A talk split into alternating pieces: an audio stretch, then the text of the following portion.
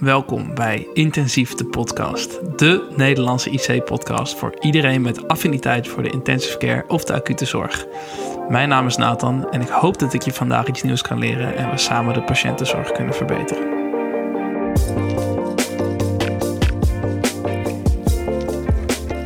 Ontzettend leuk dat jullie weer uh, luisteren naar een nieuwe aflevering van uh, Intensief de Podcast. Ik hoop heel erg dat jullie de aflevering van vorige week hebben kunnen volgen en dat jullie er wat van hebben opgestoken. Ik denk dat het een aflevering was met redelijk veel cijfers en formules. Dus ik hoop uh, nou, vandaag daar iets minder van te doen, zodat het iets makkelijker te volgen is voor jullie. We gaan het vandaag hebben over COPD en de hypoxic drive.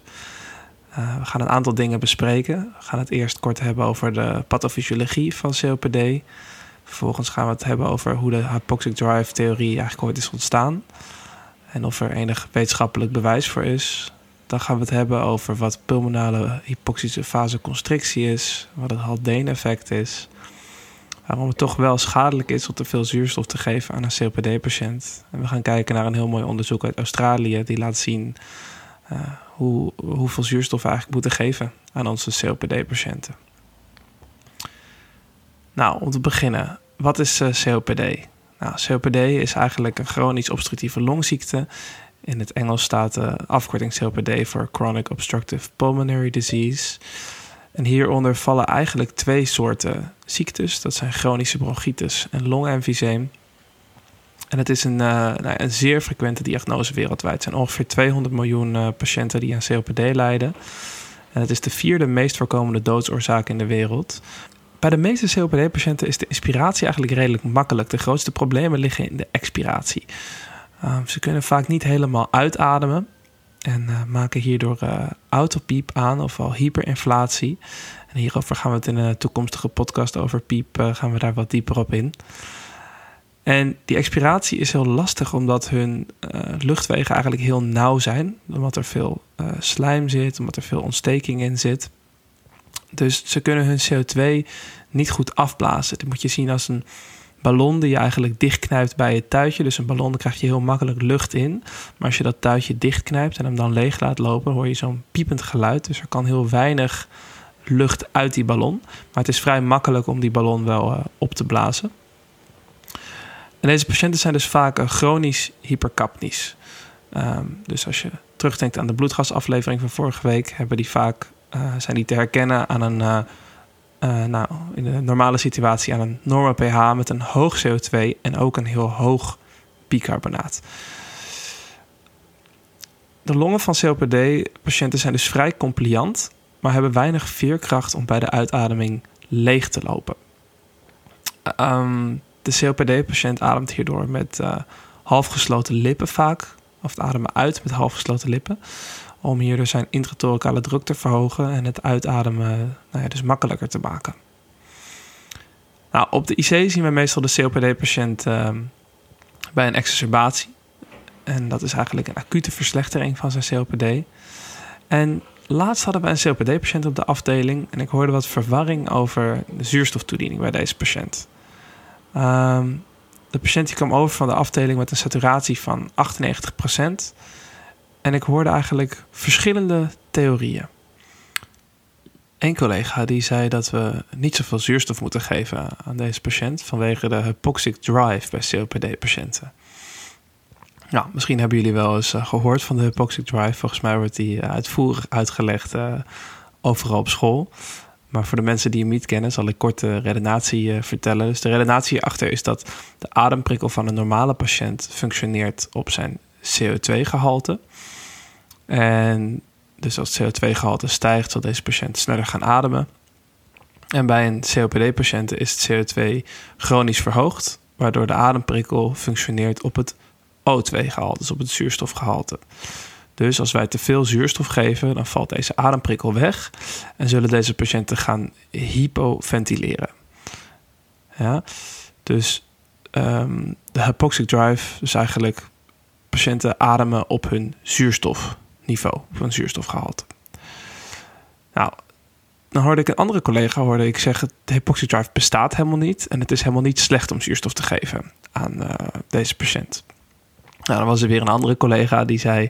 de drive bestaat slechts bij enkele COPD-patiënten. Dus we moeten deze patiënt goed observeren... om te kijken of dit een uh, patiënt is nou, die last heeft van de hypoxic drive of niet. Nou, uh, verschillende theorieën. Dus ik dacht, uh, ik duik de literatuur in... en ik ga eens kijken hoe het nou echt zit met uh, COPD en hypoxic drive... Waar komt die theorie nou vandaan? Nou, in 1949 zijn een tweetal artikelen uh, gepubliceerd die een verband lieten zien tussen hypercapnie en hypoventilatie. Nou, een van die auteurs, dat was eh, meneer Donald, die beschreef een casus van een patiënt die in een hypercapnisch coma belandde na de toediening van zuurstof. En deze patiënt verbeterde bijna direct toen de zuurstoftoediening werd gestopt. Nou, de auteur had daarvoor een theorie dat de respiratoire activiteit van deze patiënten dus berustte op anoxische stimulatie. Ja, dus als deze anoxische stimulatie wordt weggenomen door dus O2-toediening, zullen zij gaan hypoventileren en zal hun CO2-gehalte gaan toenemen. En hier begon dus de term de hypoxic drive. Nou, deze theorie klonk erg plausibel, en nou, was erg simpel uit te leggen. En die werd dan ook maar heel graag als waarheid aangenomen in de medische wereld. In 1980 volgde eigenlijk het eerste bewijs, of het eerste artikel, wat deze hypoxic drive theorie tegenspreekt. Nou, dat is een hele bekende studie, die is gedaan door Albier et al. Ik zal de links naar al deze studies in de show notes ook uh, zetten. En die onderzocht het effect van 100% zuurstoftoediening op het ademminuutvolume en op de bloedgas van deze patiënt. Nou, wat ze zagen is dat initieel, na dus maximale zuurstoftoediening, het ademminuutvolume van deze patiënten uh, daalde en het PCO2-gehalte ook steeg. Echter, ze zagen dat de daling van het ademminuutvolume 15 minuten na zuurstoftoediening, dus terwijl zuurstoftoediening 15 minuten liep, weer bijna compleet uh, normaliseerde. Uh, als voor de zuurstoftoediening. Maar de daling van het PCO2-gehalte die bleef uit. Deze steeg dus echter alleen maar door. Uh, hier is een hele mooie grafiek van. Die zal ik op Instagram uh, plaatsen, zodat jullie visueel kunnen zien hoe dit eruit ziet. Dus nog even als herhaling. In die chill daalde het ademminuutvolume dus naar zuurstoftoediening. Maar deze trok vrij snel weer bij. en het PCO2 die steeg alleen maar door. Dus ze zagen eigenlijk dat er geen correlatie zat tussen het ademminuutvolume en het PCO2-gehalte. Nou, hier was dus te zien dat uh, ondanks de toediening van uh, O2, en deze patiënten waren echt heel sterk hyperoxisch, die hadden nou, PaO2-gehaltes van rond de 225 mm kwik of 30 kilopascal. Het ademminuutvolume dus eigenlijk voldoende zou moeten zijn voor adequate ventilatie. Um, en het feit dat dat niet zo was, werd gewijd aan een VQ-mismatch en het Haldane-effect.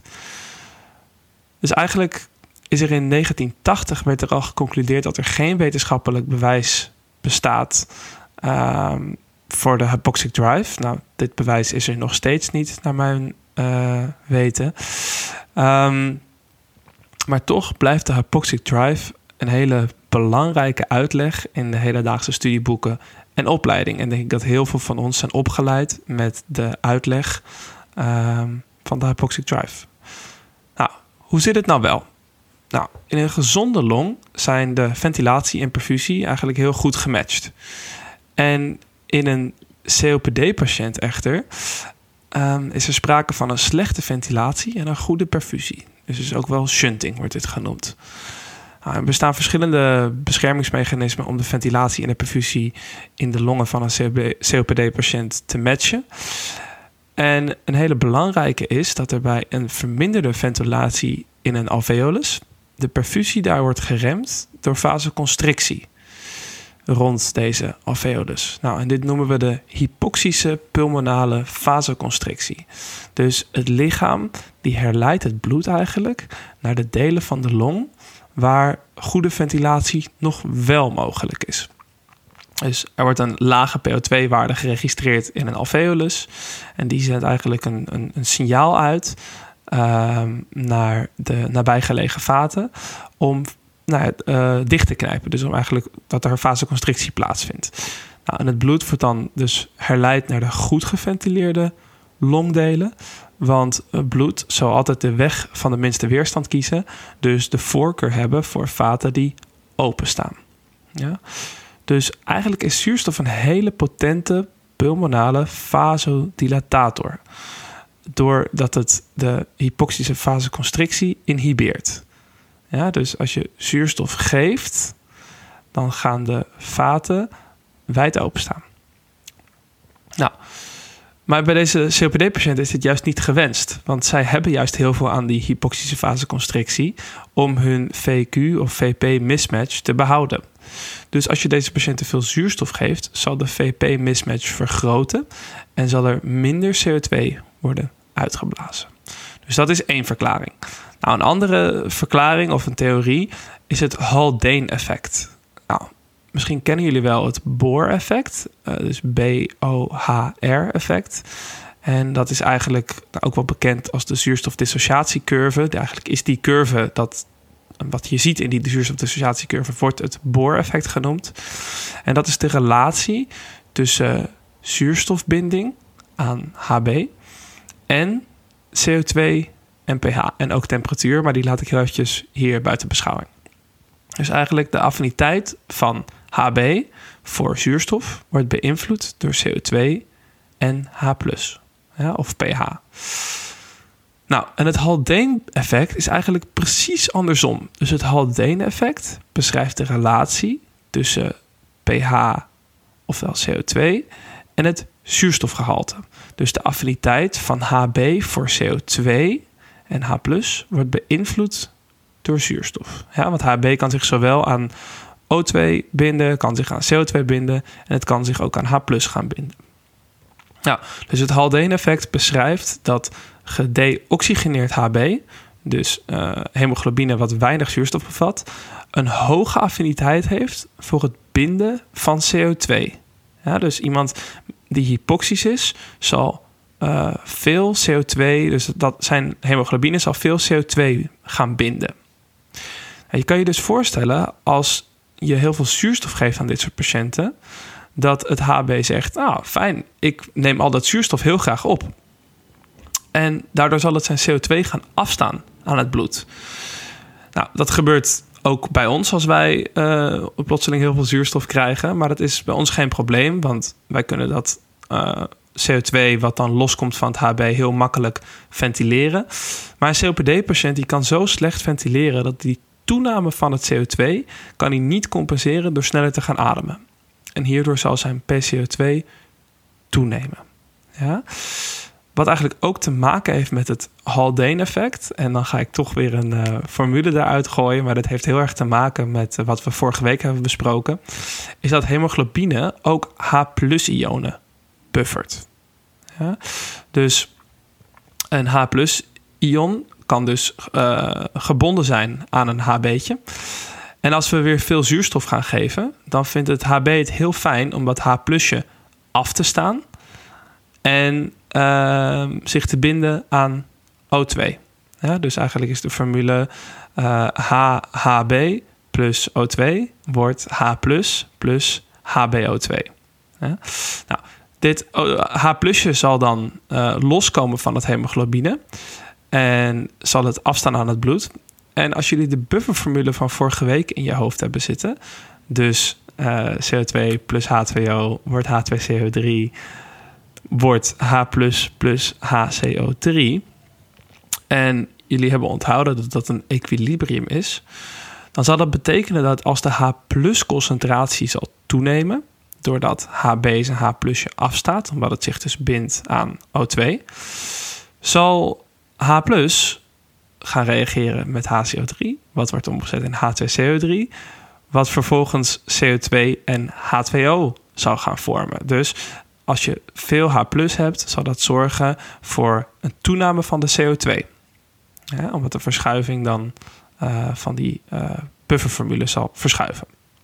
Nou, dus volgens Albier et al, die heeft dit eigenlijk in 1980 al gezegd, wordt het Haldane-effect ongeveer voor 25% van de PCO2-stijging gezien. En de rest is dus de VQ-mismatch. nou, maar als die hypoxic drive theorie nou niet bestaat en het Haldane-effect en de hypoxische faseconstrictie wel, ja, is het dan nog wel slecht om, om zuurstof aan COPD-patiënten te geven? En hoe, hoe gaan we daar dan mee om? Nou, en er was een hele mooie uh, randomized controlled trial uit Australië. En voor de mensen die niet zo in het onderzoek zitten, er komt ook binnenkort een aflevering hoe je nou makkelijk een artikel kan lezen en hoe je dit soort eh, termen nou kan interpreteren. Maar ik zal het redelijk bazaal houden voor deze keer. Um, dit was een studie bij 405 prehospitale patiënten met een verdenking op een exacerbatie uh, COPD.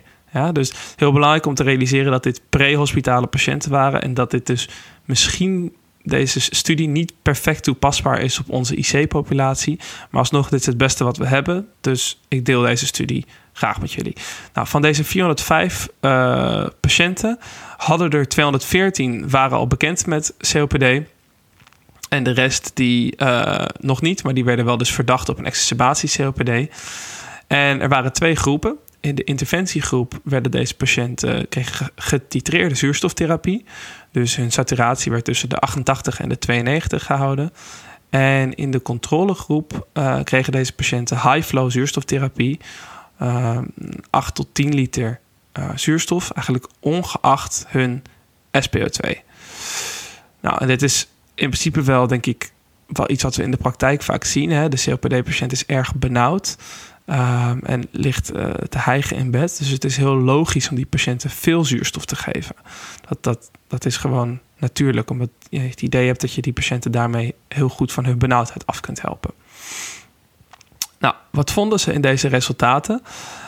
Als ze keken naar uh, alle patiënten, dus uh, de patiënten die, uh, die alle patiënten die zijn geïncludeerd in deze studie, was de mortaliteit in de interventiegroep 4%. En de mortaliteit in de controlegroep was 9%. En als je zelfs keek naar de patiënten die dus al bewezen COPD hadden, dan was de mortaliteit zelfs 2% in de interventiegroep en 9% in de uh, controlegroep. Dus dit is een mortaliteitsreductie van 58% uh, in, uh, de hele, in het hele cohort met een p-waarde van 0,02. Dus een significante mortaliteitsreductie. En zelfs 78% in de bewezen COPD-groep uh, met een p-waarde van 0,04. Dus ook significant. Dus waanzinnig, uh, nou, waanzinnig verschil eigenlijk. En wat we tevens nog zagen is dat er minder hypercapnie en minder respiratoire acidose in de titratiegroep was. Dus um, heel kort samengevat is dit een studie die laat zien dat als je eh, je zuurstoftherapie titreert tussen de 88 en de 92 procent bij prehospitale patiënten met een verdenking op een exacerbatie COPD. Um, dit zorgt voor een uh, sterke vermindering in de mortaliteit ten opzichte van uh, liberale zuurstoftherapie. Ik zal de studie ook in de show notes zetten. Dan kunnen jullie, als jullie interesse hebben, hier zelf ook nog naar kijken. Nou, wat is nou de conclusie van dit alles? De hypoxic drive theorie, die bestaat niet. Of althans, hij is nooit aangetoond in de wetenschap. En er is eigenlijk geen enkele reden om aan te nemen dat de hypoxic drive theorie ja, hout snijdt. Nou, de inhibitie van, uh, sorry, de inhibitie van hypoxische pulmonale vasoconstrictie met dus de bijbehorende VQ-mismatch en het Haldane-effect zijn eigenlijk de allerbelangrijkste theorieën waardoor COPD-patiënten hypercapnisch worden bij zuurstoftoediening. Nou, dit blijven theorieën. Het is heel lastig om deze uh, theorieën met 100% zekerheid als uh, verklaring te geven. Uh, maar dit zijn op dit moment echt de beste theorieën die we hebben. En er is hier vrij veel wetenschappelijk bewijs voor. In tegenstelling dus tot de hypoxic drive, waar helemaal geen bewijs voor is. Um, en het is heel goed mogelijk dat er in de toekomst ja, nog een alternatieve verklaring naar voren komt. Want we weten dus wel echt zeker dat zuurstof geven aan COPD-patiënten uh, niet goed is. Maar voor nu moeten we het doen met de Haldane-theorie en de hypoxische pulmonale vasoconstrictie met VQ mismatch.